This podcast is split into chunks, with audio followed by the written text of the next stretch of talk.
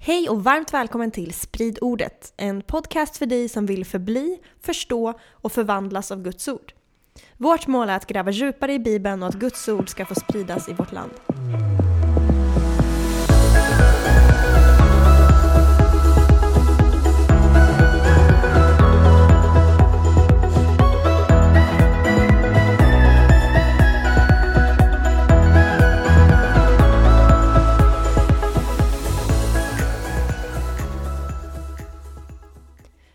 Yes! Ett nytt avsnitt av Sprid ordet och serien Profetior om Jesus. Vi har idag en Petrus som låter något förkyld. Men jag har goda nyheter och det är att det smittar inte via podcast. Ja, vi ska ju säga att vi försökte skjuta på den här inspelningen lite, eh, så jag har varit sjuk ganska länge nu. Ja, nu får du skärpa dig. Men min röst låter fortfarande inte prima, så jag får be om ursäkt till de åhörarna. Men, Men, men, eh, det är, vi ska släppa det imorgon, så vi måste spela in nu avsnittet. Och det fyller sitt syfte. Budskapet går fram. jag tänker att du får stå för contenten idag, då, så, Ja. så jag gör de roliga kommentarerna. Oj då. Om- Det här kan gå hur som helst. Nej, det kommer gå jättebra. Eh, be för oss. det behövs. Men eh, idag så ska vi också prata om profetior om Jesus. Men tidigare har vi ju pratat mycket utifrån berättelser och hur hela personens liv har varit en bild på Jesus. Så förra gången pratade vi om David och att Jesus ska vara Davids son, att Messias är Davids son. Och eh, eftersom vi ändå är där och rör oss runt David så ska vi idag kolla på olika profetior utifrån Saltaren. Så det ska bli jättespännande. Ja, precis. Saltaren är en ganska stor samling eh, kapitel, 150. 150 stycken. Och man brukar dela in den i fem böcker. Om man, om man skulle göra det, nu bara kom jag på en fun fact här. Vi, vi, man brukar ju säga att Bibeln har 66 böcker. Men om vi skulle göra Saltaren till fem böcker, då har vi 70 böcker. Wow, Det låter ju mycket bättre med 70. Ja, i alla fall. okej. Eh, Har inte något med något att göra. utan att överdriva så, eh, så har Saltaren mer än 100 direkta profetier om Jesus. Eller om Messias då. Vilket är väldigt intressant för att Saltaren är skriven i poesiform. Och Mm. inte utifrån liksom att det uttryckligen nu ska vi göra en profetia eller uttryckligen att här är en berättelse om en människas liv utan det är ren poesi där författaren då varit på något sätt influerad av heligande och eh, fått med en profetia om Jesus. Ja, och ändå är det ganska logiskt för att Bibeln målar upp det som att det profetiska ofta förlöses i samband med musik. Och eftersom det här är musik då, eller tonsatta böner eller vad det är, så har ju David, som ofta skrivit psalmerna, men även andra, kommit under inspiration när de skrivit de här psalmerna. Då. Häftigt. Ja, men eftersom det finns så många, och det finns ett helt tolkningsspektrum på det här, hur man ska läsa Psaltaren. Liksom, eh, om man skulle fråga kyrkofadern Augustinus, då skulle han säga att alla 150 psalmer är messianska, alltså de pekar på Jesus och ja, men alltihop liksom. Medan andra är lite mer konservativa. Och vi, kommer, vi kommer fokusera nu på de som verkligen är rakt fram i sina profetier. Ja. Så jag tänker, vi ska i alla fall börja i Nya Testamentet. Eh, för det är roligt. Ja, det är, det är bra del av Bibeln. Och vi börjar i Apostlagärningarna 2. Och där har det hänt så att den heliga ande har utgjutits över församlingen. De har börjat tala i tungor och profetera och eh, tungor av eld har dykt upp och det, det är feta grejer. Och då stiger Petrus upp från att tidigare ha varit någon eh, lite fladdrig individ i evangelierna som ändå är ganska modig och ibland feg, förnekar Jesus. Han pendlar liksom Ja. till att nu bara mänskligt. stå upp att predika. Det här är första predikan då efter Jesu uppståndelse. Jag tänker vi ska läsa eh, lite från det. Så om du vill läsa Apostlagärningarna 2 där från vers 22. Israeliter, lyssna till dessa ord. Jesus från Nasaret var en man som Gud bekände sig till inför er genom kraftgärningar, under och tecken, som Gud genom honom utförde mitt ibland er, så som ni själva vet. Efter Guds fastställda plan och beslut blev han utelämnad. Och med hjälp av dem som är utan lagen spikade ni fast honom på korset och dödade honom. Men honom har Gud uppväckt och löst ur dödens vånda eftersom det inte var möjligt att han skulle behållas av döden. Det viktiga Petrus säger här, varför vi läste det, det är att han säger att det var en del i Guds fastställda plan och beslut. Det vill säga korset var ingen slump, Nej. det var ingen olycka. Gud visste om det och han hade bestämt det före världens grundläggelse. För att rädda syndare så skulle han visa sin kärlek mot syndare. Han skulle bära konsekvenser av människornas synd och dö i människans ställe. Och det var en del i Guds plan. Ja. Och då är frågan, hur kan vi bevisa att det här var Guds plan i förväg? Jo, genom att Gud skriver om det i förväg. Kanske i Saltaren. Kanske i Saltaren. Och det är ju ganska svårt att förutsäga framtiden. Jag, menar, jag går in på min väderapp och då verkar meteorologerna ha fel hela tiden om vad vädret ska vara. Liksom. Jag tror alltid att jag ska hinna med allt plugg. ja, precis. Eller aktieanalytiker analyserar väldigt ofta marknaden fel. Politiska kommentatorer får väldigt ofta fel. Sportkommentatorer också. Jag menar, om man kunde förutse framtiden då skulle alla vinna på Stryktipset. Eller? Ja, så är det. Ja. Men Guds ord får rätt om framtiden. Boom. Det här är Guds fastställda plan och beslut. Och då visar Petrus det här genom att citera då Saltaren i sin predikan. Och vi kommer se att Petrus kommer citera psalm 16 och psalm 110 här. Så han hämtar då tyngd i sin predikan från de här skrifterna som är skrivna då tusen år innan, han, eh, innan Jesus. Så vi läser vidare hur, hur Petrus använder de här skrifterna då, från vers 24 där i Apostlagärningarna 2.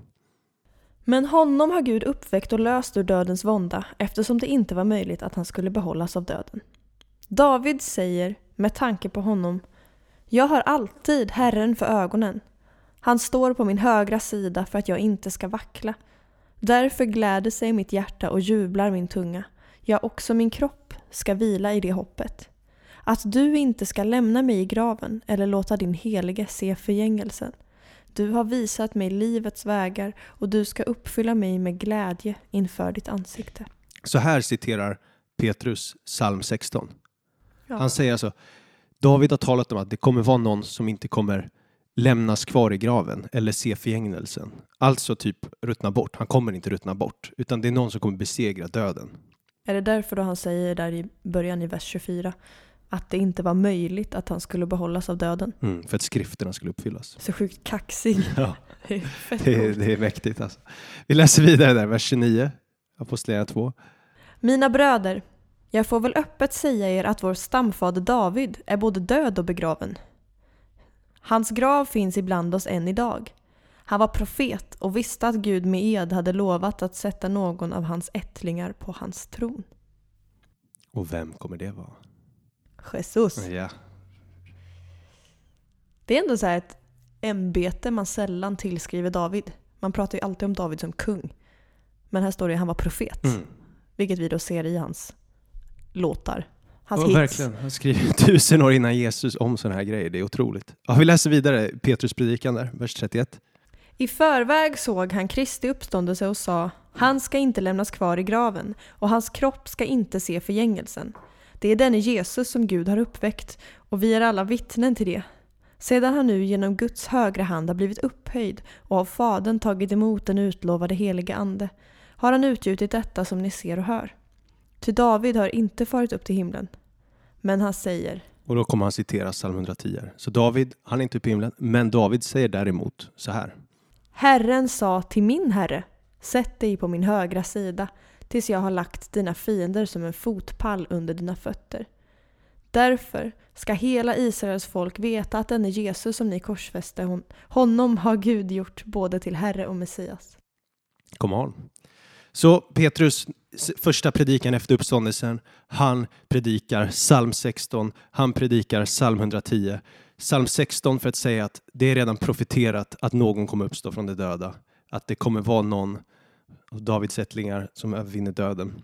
Och psalm 110 citerar han för att säga att Davids son kommer också vara Davids herre som eh, sitter på Guds högra sida. Han kommer ha de här gudomliga kvaliteterna. Och vi har ju pratat om psalm 110 förut när vi snackade om Melkisedek. Just det.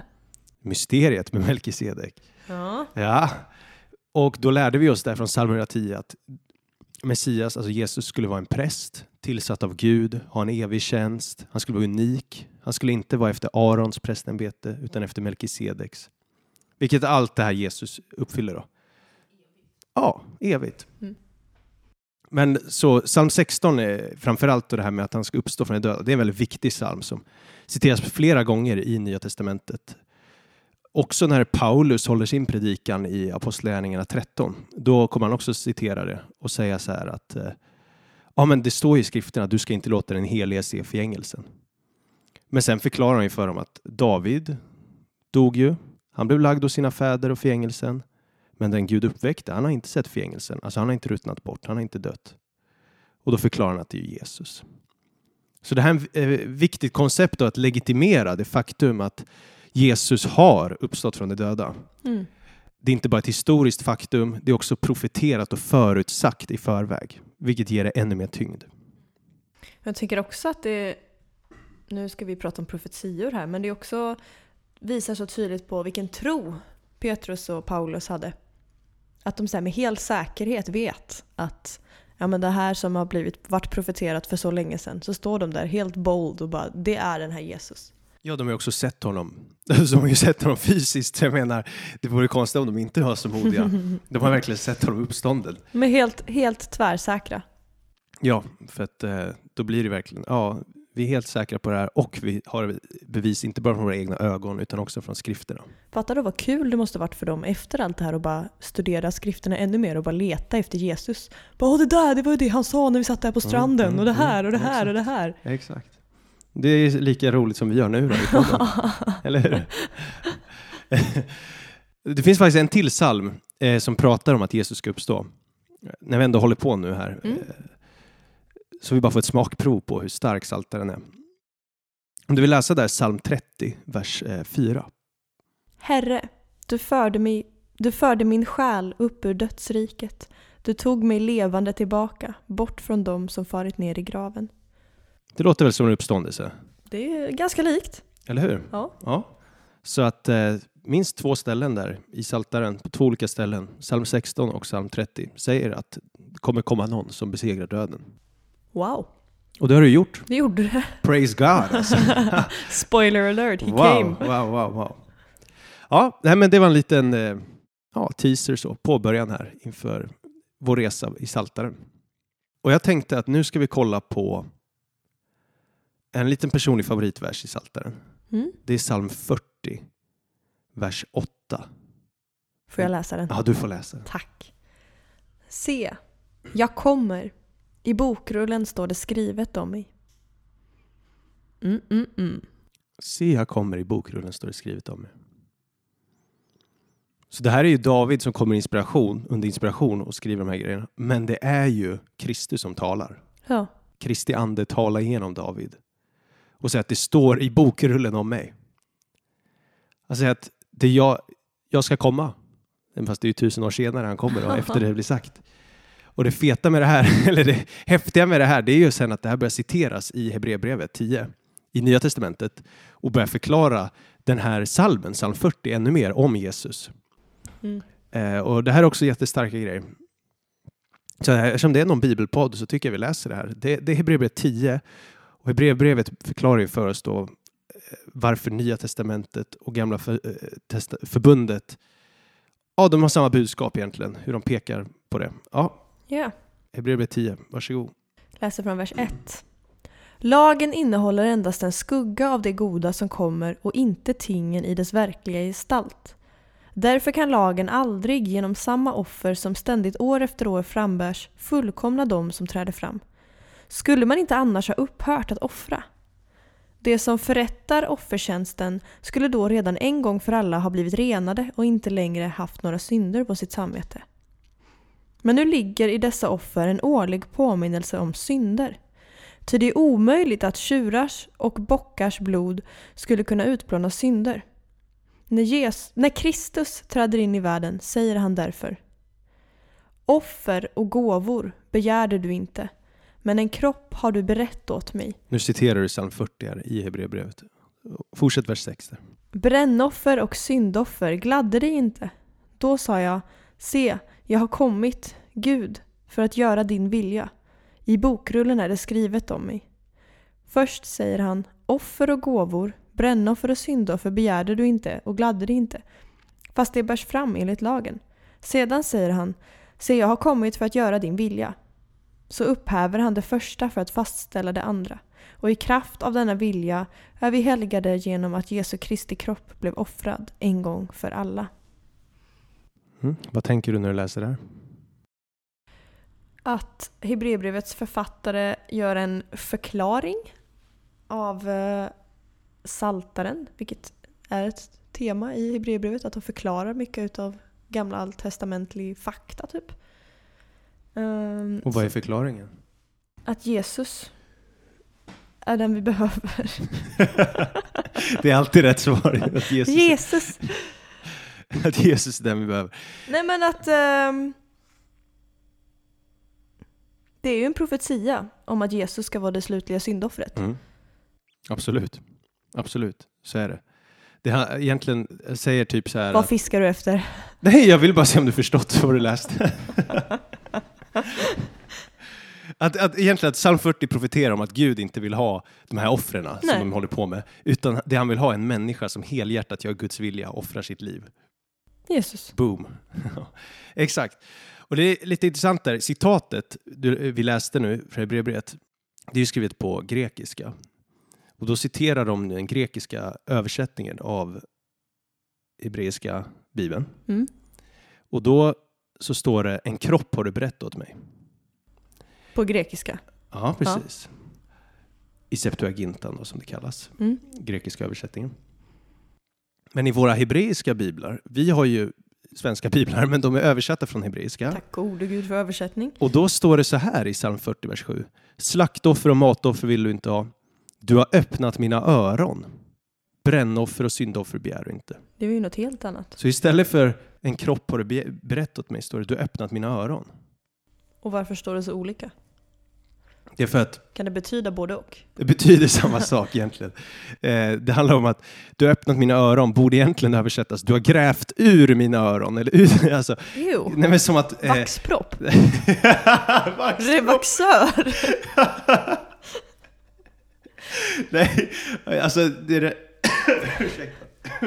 Förlåt. det det handlar om är att en slav på den tiden kunde välja om man ville bli slav på livstid.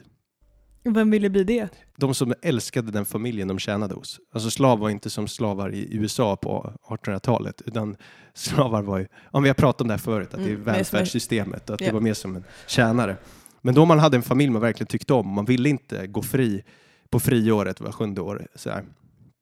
eller jublår var femtionde år, utan man ville tjäna dem livstid, då kunde man markera det i örat och göra sig till en eh, tjänare på livstid. Genom att ta bort vaxproppen. Nej, inte, ingenting om det att göra. Men, så det här Pierca uttrycket sig. då, ja men typ pierca sig, Så exakt. som kossor gör. ja, exakt. De får ju en liten lapp. Ja, precis så. Och det är därför den grekiska översättningen säger en kropp har du eh, berättat åt mig. För det är samma poäng. Att man helhjärtat ger sitt liv, man ger hela sin varelse till den här saken. Just det. Så det, det är egentligen samma sak då. Eh, Så öppnas mina öron betyder att man gör ett hål i sina... ja, precis, precis, precis. Långsökt. Nej, det är inte långsökt. Det är också att det är lost in translation, så att säga. ja, jag fattar. Så då, psalm 40 säger då till oss att ja, det är Kristus som talar. De här brännoffren, de här tjurarna, de här baggarna, det räcker inte. Det behövs en människa som offrar sitt liv, som tar hela sin kropp i sitt liv eh, och helhjärtat gör Guds vilja. Mm. I bokrullen står det skrivet om honom också, Ja. att det är profeterat. Vilket då gör. Alltså när jag läser sådana här grejer, då får man ju bara så här lite eh, rysningar för att det är så- så starkt att alla de här sakerna är skrivna så långt i förväg. Och eh, det stärker ju tron enormt mycket. Mm. Och man blir så ledsen att så få människor vet om de här grejerna. Så sprid ordet. Sprid ordet. Dela flitigt. Men eh, jag har en fråga. Vet man när Saltaren skrevs? Och h- över hur långt spann skrevs den? För det är ju olika författare. Precis, eh, det beror ju på, alltså, det beror ju då på när, vem, alltså vilken psalm. Psalmerna är skrivna vid olika tidpunkter. Men är det långt tidsspann mellan? Eller vet, det kanske inte Alltså det vet? finns ju vissa psalmer som är jättegamla. Det finns någon psalm, Typ Moses har ju skrivit psalmer. ja precis, så, exakt så. Så då, psalm 90 är skriven av Moses. Så psalm 90 och psalm 91 är psalmer man tror är väldigt gamla, som Mm. säger 1400 år. Det finns även, eh, ja det finns ännu fler psalmer man tror är ännu äldre. Och så finns det psalmer som är yngre. Men de säger att de är skrivna mellan 1400 till 400 före Kristus. Mm. Eh, ja, ungefär. Långt innan Ja. Jesus kom i alla fall. Ja, ja eh, all, absolut. Så inget är ju efterhandskonstruktioner. Det här Nej. fanns ju långt innan Jesus. Så ja, det var det. Mm. Det jag tänkte vi ska göra nu, alltså vi kun, skulle egentligen kunna göra en hel serie med Saltaren och egentligen djupdyka. Nu har vi bara skrapat på ytan i psalm 40 igen, psalm 16, vi har knappt rört vid det. Man skulle kunna dig deep i allt där. Men eh, vi har bara en överblick. Så min tanke är att vi ska gå igenom två psalmer till. Ja. Psalm 69 kommer vi gå igenom och psalm 22. För de är så starkt kopplade till Jesus. Yes. Eh, och sen så får folk eh, gräva i salterna själva och ta reda på resten.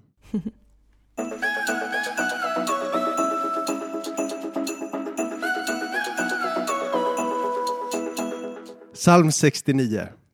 Det här är en fantastisk psalm. Det här är jättetydligt att den är messiansk som man säger när den handlar om Jesus. Då. Och det vet vi för att den citeras jättemycket i Nya Testamentet. Där ser man. Ja, och jag tänkte vi ska börja med de verserna som faktiskt citeras i Nya Testamentet. Och sen ska vi kolla på lite verser i salmen som inte citeras och se om de kan ge oss mer insikter om Jesus. Ooh. Ja, roligt va? Jättekul. Vi börjar med att läsa vers 5 där. Flera än håren på mitt huvud är de som hatar mig utan grund. Många är det som vill förgöra mig, som är mina fiender utan skäl. Jag tvingas lämna tillbaka det som jag aldrig stulit. Ja, och den här versen citeras i Nya Testamentet för att det står att fler än håren på mitt huvud är de som hatar mig utan grund. Och när citeras det? Det citeras i Johannes 15, eh, där, där det handlar om att Messias ska bli hatad utan anledning. Är det Jesus som säger det? Mm. Så i Johannes i kapitel 15, då säger Jesus typ så här, de som hatar mig hatar min far. Och om jag inte hade gjort sådana gärningar som ingen annan gjort så skulle de inte ha någon synd. Men nu har de sett dem och hatar både mig och min far. Och då säger Johannes där i 15.25 att då skulle det uppfyllas som det står skrivet i deras lag. De har hatat mig utan anledning. Tydligt. Ja, väldigt tydligt. Pedagogiskt. Eller hur? Vi tar en annan vers i psalm 69 som uppfylls. Mm. Det är vers 10. Som handlar om att Messias skulle då ivra eller vara nitisk, brinnande för Herrens hus och sen få smädelser som resultat av det. Ty brinnande iver för ditt hus har förtärt mig. Dina smädares smädelser har fallit över mig. Ja, du som läst din bibel, känner du igen det här då från Nya Testamentet? Ja, visst är det när Jesus ragear på att de använder tempelplatsen för att tjäna para. Oj, vilka roliga uttryck där. Ragear och para. ja, Får se om de som är äldre förstår vad du säger. Eh, Knappt jag förstår vad du säger. Para betyder pengar. Ja, ragear betyder att han blir arg. det här är bra. För att han har en brinnande iver för Ja, Guds hus. Det stämmer, det stämmer. Vi, vi läser det i Johannes 2. Eh, Så alla förstår. Förlåt. Judarnas påsk närmade sig och Jesus gick upp till Jerusalem. I templet fann han de som sålde oxar, får och duvor och sådana som satt där och växlade pengar. Då gjorde han en piska av rep och drev ut allesammans ur templet med deras får och oxar. Han slog ut penningväxlarnas mynt och välte omkull deras bord. Och till dem som sålde duvor sa han, ta bort det här, gör inte min faders hus till en saluhall. Hans lär, lärjungar kom då ihåg att det stod skrivet, iver för ditt hus ska förtära mig. Det ser du. Där var det. De kom ihåg. Att han Red- uppfyller skrifterna. Redan innan han dör. Och ändå så Ja. tvivlar de när han dör. Mm. Spännande. Ja. Undrar vad vi hade gjort. Och den där andra delen av versen, dina smädares smädelser har fallit över mig. Det använder Paulus i Romarbrevet och säger, använder för ett teologiskt case. Och så säger han så här att i Romet 15, vers 3. Kristus tjänade inte sig själv utan bar våra svagheter. Så som det står skrivet, dina smädares smädelser föll över mig. Vad är en smädelse? Är inte det något negativt? jag, jag tänker mig att det är kränkande, eh, hånande ord. ja, liksom. man, ja, precis. Och då är det att, lyssna nu, vad säger versen? Dina smädares smädelser föll över mig. Dina föll över mig. Han Ja. tar alltså på sig någon annans smädelser. Ja. Det är det som är hela poängen med versen. att någon annan ska få skiten, men Jesus tar den på sig.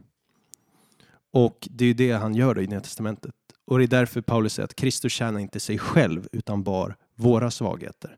På samma sätt, han bar andras bördor än sin egen börda. Och det är det som gör honom till Messias, räddaren. Då. Mm. Enligt Wiktionary betyder smäda, förolämpa, använda nedsättande språk eller tillmälen om. Synonymer kränka, skymfa. Förnedra eller visa ringaktning mot någon som, något som anses heligt. Ja, Ja. det låter, låter väl rimligt. Ja, jag har förstått texten. Jag ska kolla vad det heter på engelska. Jag ska kolla nu direkt. The reproaches of those who reproached you fell on me. Ja, Måste man läsa med sån röst när man läser på engelska? Nej, men jag känner att jag, min äckliga förkylningsröst behövde varieras. Behövde lite pondus. Ja, vi går vidare. Ja, psalm 69. Vi, vi tar en annan då. Ja. Eh, eller, ja, det är i Romarbrevet också, det är Romarbrevet 11. Då, är det att, då citerar faktiskt Paulus det och säger så här, David säger, eh, och då citerar han psalm 69 och förklarar att judarna kommer förkasta sin Messias. Och då säger han eh, så här, om du vill läsa det faktiskt. Och David säger, må deras bord bli en snara och ett nät, en fälla och ett straff för dem. Må deras ögon bli förmörkade så att de inte ser och böj deras rygg för alltid. Ja. Så det här handlar ju om att, att de som förkastar Messias, de blir förmörkade och förblindade och ser inte. Och sen finns det en till i, i Nya Testamentet, ett citat om Judas. Från Men psalm var, 69. var det ett citat från psalm 69? Mm, mm. Ja. Och sen finns det ett till citat från psalm 69 i eh, Apostlagärningarna, 1, vers 20, som handlar om Judas. Och då citerar de faktiskt två psalmer. De citerar psalm 69 och så citerar de psalm 109. Så det här grejen att citera sal- psalmer är en big deal alltså. Ja. Om du, om du läser Apostlagärningarna 1.20 där. I Saltaren står det skrivet Hans gård ska bli öde, ingen ska bo där och hans ämbete ska en annan få. Så de har slått ihop två verser då, Mm. från olika psalmer. Ja. Vilken grej. Mhm. Hans gård ska bli öde, ingen ska bo där. Och det använder de då sen eh, kring Judas och när han dog och hans gård när han dog och ja, lite grejer. Vilken grej. Ja, vilken grej. Så poängen är i alla fall att det här är en viktig psalm då, psalm Jaha. 69. Det handlar om Jesus, det handlar, utspelar sig mycket i Nya Testamentet.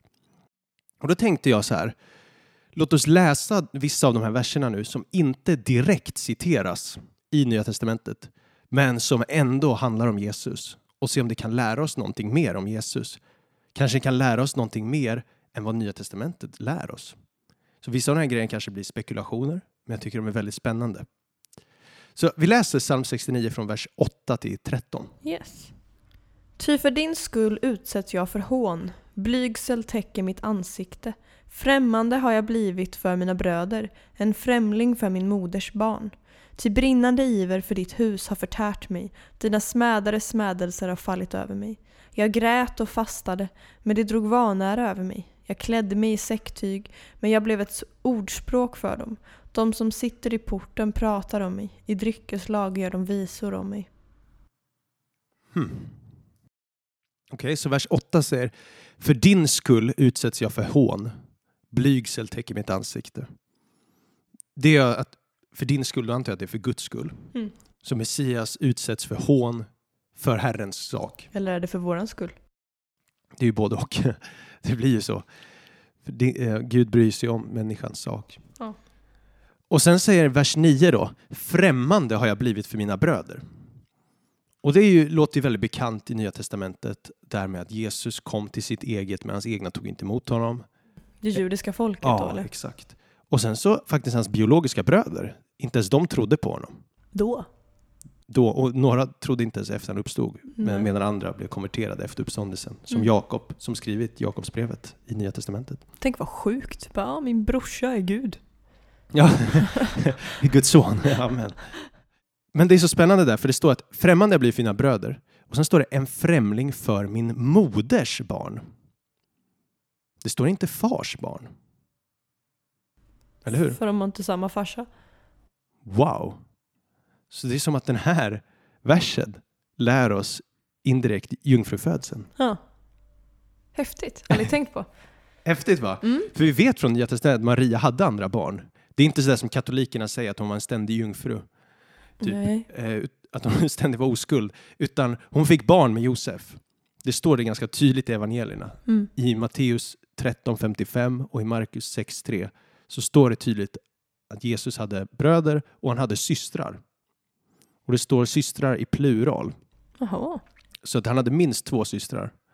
Och han hade minst fyra bröder. Där ser man. Ja. Big family. Och då är det intressanta då att han hade blivit en främling för dem. De eh, vill inte veta av honom. Nej. De vill inte bekänna sig till honom. Om vi läser vers 11 i psalm 69. Jag grät och fastade, men det drog vanär över mig. Jag klädde mig i säcktyg, men jag blev ett ordspråk för dem. De som sitter i porten pratar om mig. I dryckeslag gör de visor om mig. När man skriver att, eller när han säger jag blev ett ordspråk för dem, innebär det då att man driver med honom? Man skämtar om honom? mm. Kan det här vara så att den här salmen lär oss? Möjligtvis. Eftersom vi vet att det är en messiansk psalm som pratar om Jesus. Ja. Kan den prata om att inte bara om Jesu lidande från det att han går i tjänst när han är 30 år och dör för våra synder. Men vad händer de här åren innan det? Det pratas inte så mycket om det i Bibeln. Men tänk dig att växa upp som barn i Nasaret. En liten stad där alla snackar om allt. Han kanske inte riktigt ser ut exakt som sina syskon. Han betraktas som en illegitim son. Ja. Och så verkar det som att fyllorna i staden, i porten, gör visor om honom. Mm. De sjunger sånger om honom. Som inte är så snälla. I guess. Kan du tänka dig? Det, tänk dig vilket lidande att vara snacket i byn. Mm. För att du, alla ser ner på dig för att de tror tycker du är född utanför äktenskap. Du är inte en legitim son. Förstår du vad han genomled? Mm. Vi pratar ofta om korsets lidande, men de första åren av hans liv Kanske också var massa lidande. kanske också var massa lidande. Och varför gjorde han det? Varför skulle han gå runt och kallas oäkting i alla de åren?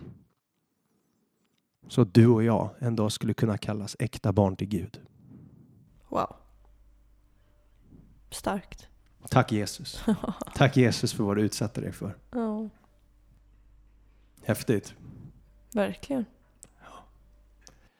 Sen har vi psalm, eh, om vi fortsätter i psalm 69, kolla vers 20 till 22. Och det här låter väldigt mycket som korset tycker jag. Du känner det hån, den skam och vanära jag måste utstå. Du ser alla mina ovänner, förakt har krossat mitt hjärta, så att jag är sjuk. Jag väntade på medlidande men fann inget, på tröstare men ingen kom. De gav mig galla att äta och ättika att dricka i min törst. Så han har massa ovänner. Han har ett krossat hjärta. Han väntar på medlidande men får inget. Ingen tröstare kommer. Han får galla att äta och ättika att dricka. Det är ju det som händer på korset. Mm. När Jesus är på korset så ger de honom vin att dricka blandat med galla. Alltså så fruktansvärt äckligt. Ja, Vem kommer på tanken? I Matteus 27, 34 är det. Han får även ättika på korset i Johannes 19, 29-30. Då står det, eller läs det för oss i, ja, Där stod ett kärl fullt med ättikvin och de fäste en svamp fylld med ättikvin runt en isopskälk och förde den till hans mun. När Jesus hade fått det sura vinet sa han Det är fullbordat. Och han böjde ner huvudet och gav upp andan. Så där fick han galla och ättika. Vilken grej. Så mycket laddat i psalm 69. Tänk. Vem skrev psalm 69? David. David. David. Prophet. Okej, Prophet. Vi gör en till. Kanske den häftigaste psalmen och det är psalm 22. Ja.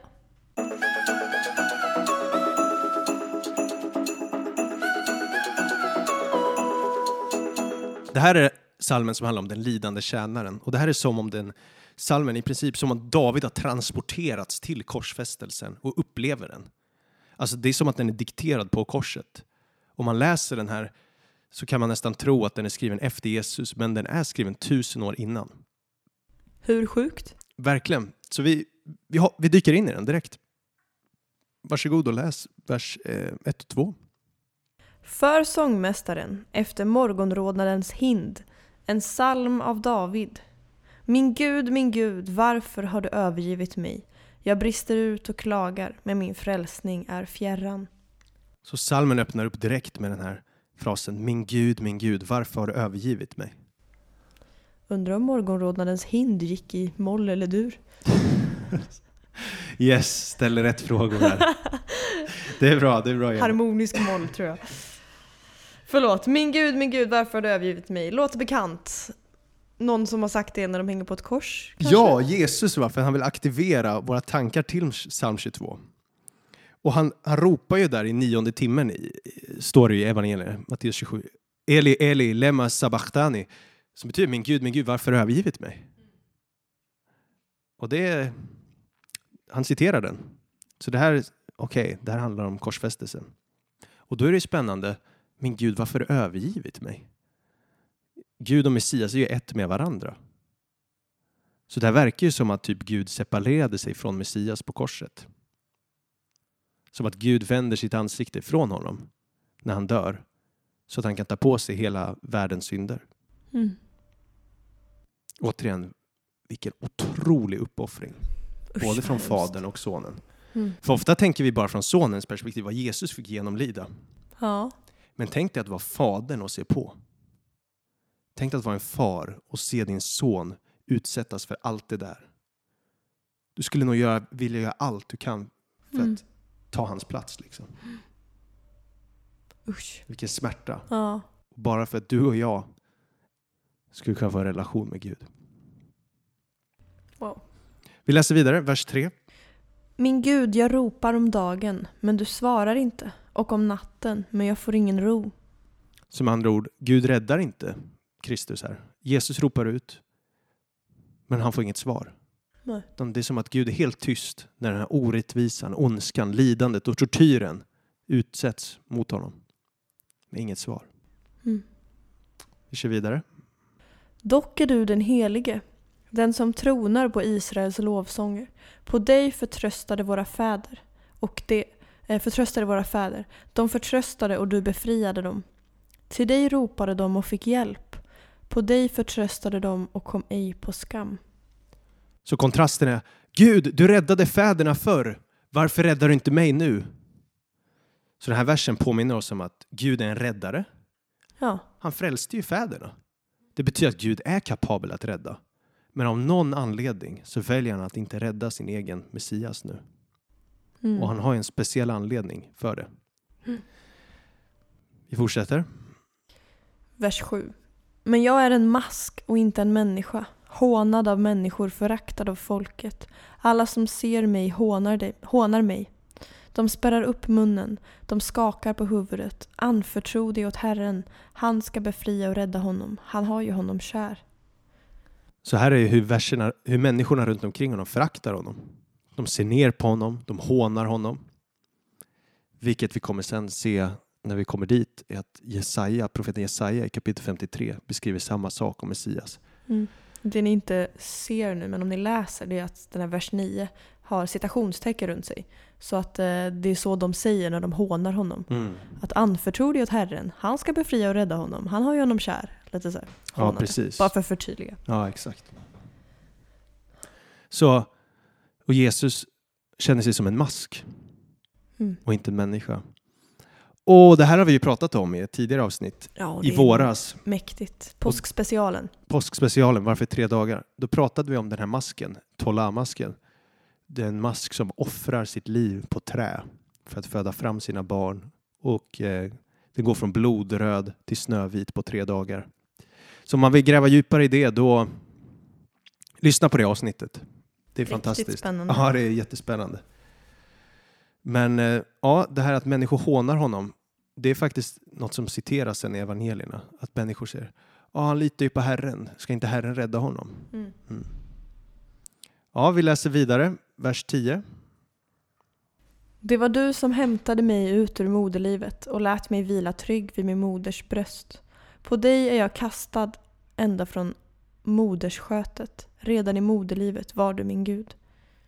Så alltså Messias litar på Gud, hans hopp är till Gud som varit med honom ända från början. Var inte långt ifrån mig, ty nöd är nära och ingen finns som hjälper. Tjurar i mängd omger mig, Basans oxar omringar mig. Som glupande och rytande lejon spärrar de upp gapet mot mig. Jag är lik vatten som hälls ut, alla mina leder har skilts åt. Mitt hjärta är som vax, det smälter i mitt inre. Min kraft är uttorkad som en lerskärva, min tunga fastnar i gommen. Du lägger mig i dödens stoft. Hundar omger mig, de ondas hop omringar mig. Mina händer och fötter har de genomborrat. Jag kan räkna alla mina ben. De ser på mig, de stirrar. De delar mina kläder mellan sig och kastar lott om min klädnad. Här låter det ju som att Jesus dör på en bondgård typ. Tjurar och oxar och hundar, vad, vad betyder det? Ja, han beskriver ju där hur han är omringad och förnedrad i dödens stoft. Så först beskrivs det som att han dör. Ja. Och sen beskrivs det som att han är omringad av tjurar och Bashans oxar och rytande lejon runt omkring honom. Och det här är antagligen då referenser till demoniska och andliga varelser som omringar honom på korset. Fy vad äckligt. För Bashan är ett område i Bibeln som kopplas till det demoniska och ondskans närvaro. Och jag är fett taggad på att göra ett avsnitt sen om den andliga världen. Det vill säga kolla på Bashans roll. Och... Så det här handlar om att det är demoner runt omkring vid korset som omringar honom. Och de värsta tror att de vinner. Mm. Tänk vilka losers. ja. Och Jesus svettas enormt. Det känns som hans ben och leder går ur led. Ser vi där i psalm 22. Hans hjärta smälter, han är uttorkad, han är utan kraft. Och det sjuka med den här salmen, det är ju att det är en beskrivning av korsfästelse innan korsfästelse uppfanns. Ja. Ja, det fanns inte som Nej, sånt. det fanns inte ens korsfästelse. Korsfästelse uppfanns, om jag inte är helt fel, typ 500 år före Kristus. Den här salmen är skriven 1000 före Kristus. Mm. Så 500 år innan korsfästelse ens uppfanns. På Davids tid var det stening man ut- använde sig av. Och ändå beskrivs det som en korsfästelse. Hur man är avklädd, hur man är på ett kors i princip. Spikar körde genom händer och fötter. Han, vi läste det, mina händer och fötter har de genomborrat. Ja, just det. Det beskrivs hur han är uttorkad, hur han intensiv törst, hur han kvävs. För det är det man gör på korset va? Man eh, kvävs till sist. För att man orkar inte hålla uppe sig. Exakt, det, det är helt sjukt. Alltså den här beskrivningen i psalm 22, det är korsfästelse. Det är när du hänger på ett kors, där är det ju som att man tynger, du trycks ner, vilket gör att det blir svårt för dig att andas. Mm. Och då börjar du kvävas sakta. Och så Fy, försöker man pusha hemskt. upp sig själv, så försöker man dra upp sig själv lite. Och då har du liksom, drar du upp dig mot spikarna. Ja, exakt. Och sen så Ah. dina leder börjar gå ur led, eller så här, ja. Och Alltså fy vad ondskefull människan är. Varför uppfinner man en sån grej? Nej, det här är den mest eh, hemska död du kan Mm. dö. Och ju sämre syre du får, desto mer koldioxid börjar bildas i det här blodet. Och man får bara högre nivåer i, i blodet. Kroppen får en större längtan att andas. Hjärtat börjar slå snabbare för att cirkulera tillräckligt med syre. Och när du får sådär mindre syre då, för att du inte kan andas, då, som jag har förstått det, nu jag har läst det här på Azusa Pacific University på Google, så jag vet inte om det stämmer. Om det står på internet är det sant. Men det verkade vara en trovärdig käll- källa. Ja. Att när du får minskat syre, då börjar det skada vävnader och eh, eh, kapillärer. Och, och då börjar det läcka så här, vätska från blodet in i Oh. vävnaden, typ. Eh, så det gör så att vätska bildas runt hjärtat och lungorna. Fy vad äckligt. Och hjärtat tar då skada och får till slut hjärtstopp. Så oftast dör av hjärtstopp då i korsfästelse. Ah, Okej. Och ibland kan till och med hjärtat brista. Ah, Vilket är det du gjorde i Jesu fall. För sen när en, en soldat genomborrar honom i sidan, då kommer det ju blod och vatten ut. Då är den här vattenlika vätskan Aha. antagligen det som varit kring hjärtat och lungorna då. jag har alltid undrat varför det kommer en massa vatten. För det gör det ju inte på folk. Ja, alltså det är inte riktigt vatten, men det är någon vattenlik vätska då antagligen. Fy vad sjukt. Så om min källa är korrekt så, så är det så det går till. Så man pressar ju upp sina fötter för att andas lite och ofta tog korsfästelse flera dagar innan man dog. Ja, det är ju vidrigt. Det är därför man brukar krossa benen på den som hängde Oh. i korsfästelse, för att snabba upp processen, för då kan de inte dra upp sig för att andas. Men då är det så viktigt här att i evangelierna så krossas inte ett enda ben på Jesus, Varför då? för han var redan död. Men varför var han redan död?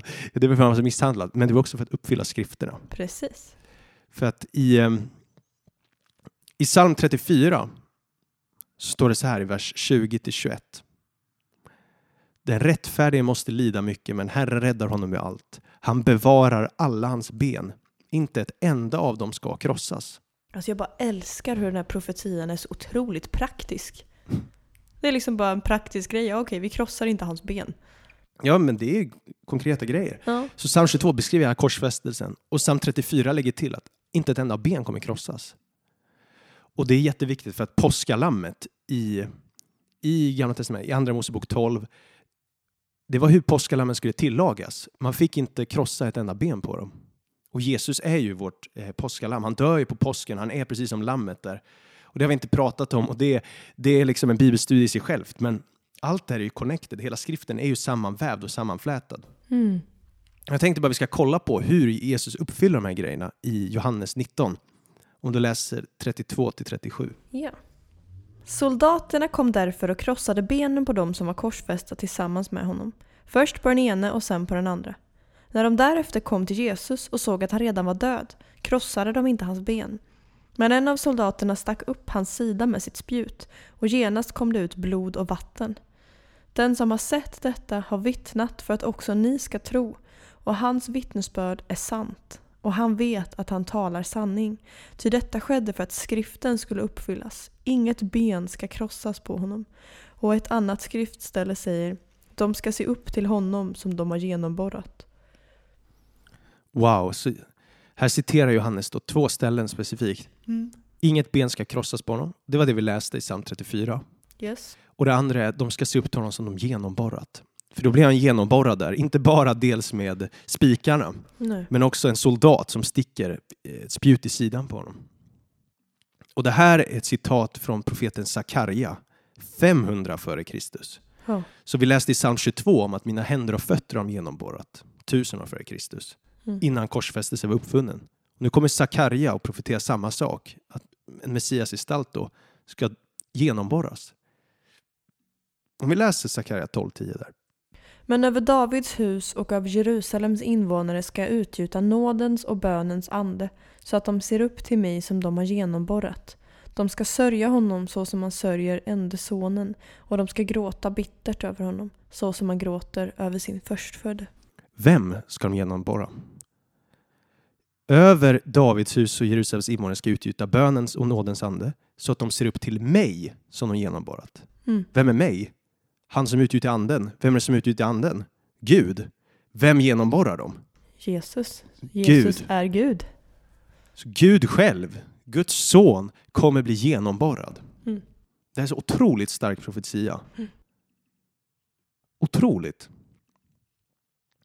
Och jag vill bara flika in här att om du, om man läser psalm 22 med Bibel 2000 och inte med folkbibeln, då kommer, man då? inte, då kommer det inte stå att mina händer och fötter har genomborrat. Utan då kommer det stå händer och fötter är skrumpnade. Nej men va? Eller en del andra översättningar kommer säga mina händer och fötter är som lejon. Okej. Och det här är en textkritisk fråga då. För att eh, senaste tusen åren har de flesta hebreiska biblarna, alltså hebreiska texten, sagt, alltså det vi kallar den masoretiska texten. Masoreterna var som bevarade de här. Och det är Okej. de manuskripten vi haft, liksom de texterna vi haft. Och de verkar ha ändrat en bokstav från hebreiskan vav till hebreiskans jod. Vilket gör att det har gått från att stå genomborrat till som lejon. Så det är som om, eh, och de som är lite mer anti-Jesus i sin approach och profetier och inte tror på profetier, då föredrar de masoretiska texten ö, eh, där det står som lejon istället för eh, det har genomborrat. Men skrumpna? Ja, det är bara random, jag fattar inte heller. Och om man läser Septuagintan eller Döda havsrullarna, Ja. Septuagintan är grekiska översättningen ja. och Döda havsrullarna är ju äldre än den masoretiska texten. Så, är- du, så det ja. finns både Döda havsrullarna och masoretiska texterna, det är inte samma texter? Nej, men, men det är olika folk som har bevarat gamla texter? Ja, om hebreiska bibeln. Från Ja, hebreiska Alltså bibeln. gamla testamentet? Yes, yes, yes. Sorry, jag går fort fram här. Jag ser att klockan rinner iväg. Men det, det som händer är att Döda havsrullarna säger genomborrat. Mm. Och den är mycket äldre. Den är daterad från Jesu tid. Medan masoretiska texten, den äldsta vi har, är liksom... Ja, vi har en helt bevarad från 1200-talet efter Kristus. Mm. Så det mest troliga är då är att originaltexten säger att de har genomborrat.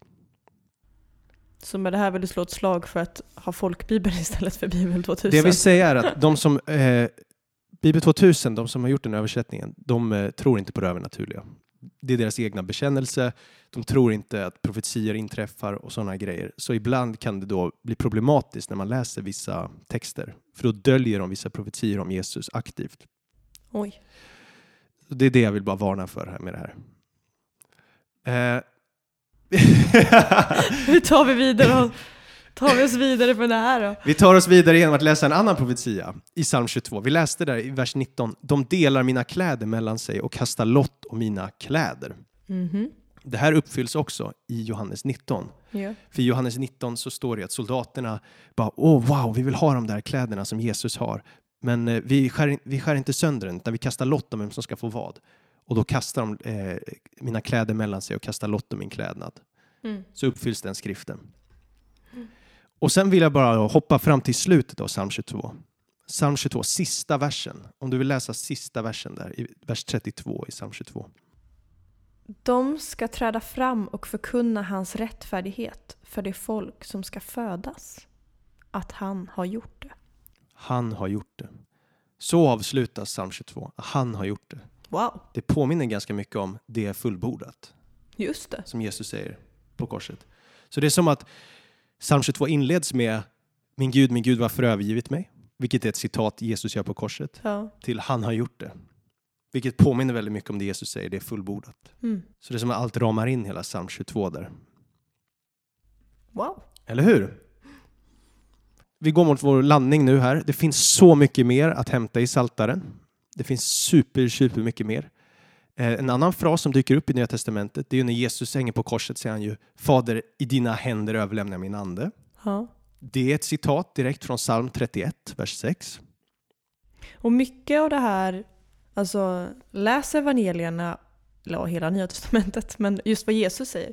Det finns ju väldigt många översättningar och versioner av Bibeln som har fotnoter eh, och eh, så här Mm. cross-references till, par, Parallellhänvisningar. tack så heter det, Ehm, där man kan hitta varifrån kommer, eh, kommer det i Gamla testamentet. Exakt, så att Saltaren är fulladdad med profetia om Jesus. Eh, Vi har skrapat på ytan, vi har gått fort fram.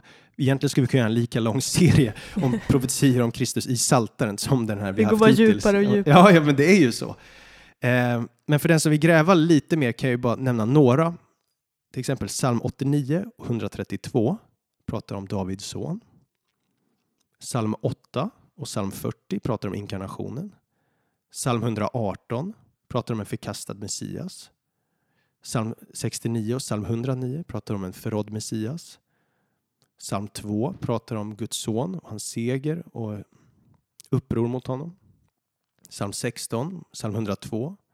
Alla de pratar om hans seger eh, också, över döden bland annat. Då. Pratar om Messias äktenskap och tjänst i psalm 45 i psalm 110. Den härliga kungens regerande, psalm 72 och psalm 68. Och det finns så mycket mer. Listan kan gö- göras jätte, jätte, jättelång verkligen. Eh, psalm 68 pratar om att han ska ge gåvor till människorna, andens gåvor och så här. Eh, men vi lämnar det till er helt enkelt och gräva vidare. Sammanfattningsvis, det finns väldigt mycket om Jesus i Saltaren. Jättemycket och det är så trostärkande. Det styrker en tro så mycket för att allt det är skrivet långt innan Jesus. Eh, och vi, vi, vi går fort fram nu i den här serien. Du tycker att den redan är för lång. Jag tycker att den är awesome.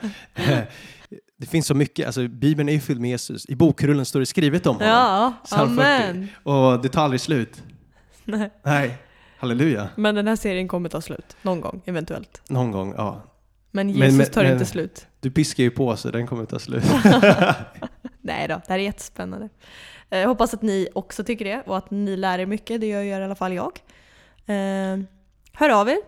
Eh, Är det något ni undrar, något ni har lärt er, något som sticker ut? Vi tycker det är jättekul när ni hör av er. Vi blir jätteuppmuntrade till att fortsätta och det är bara kul. Ni är fina. Vi gillar er. Ha det bra!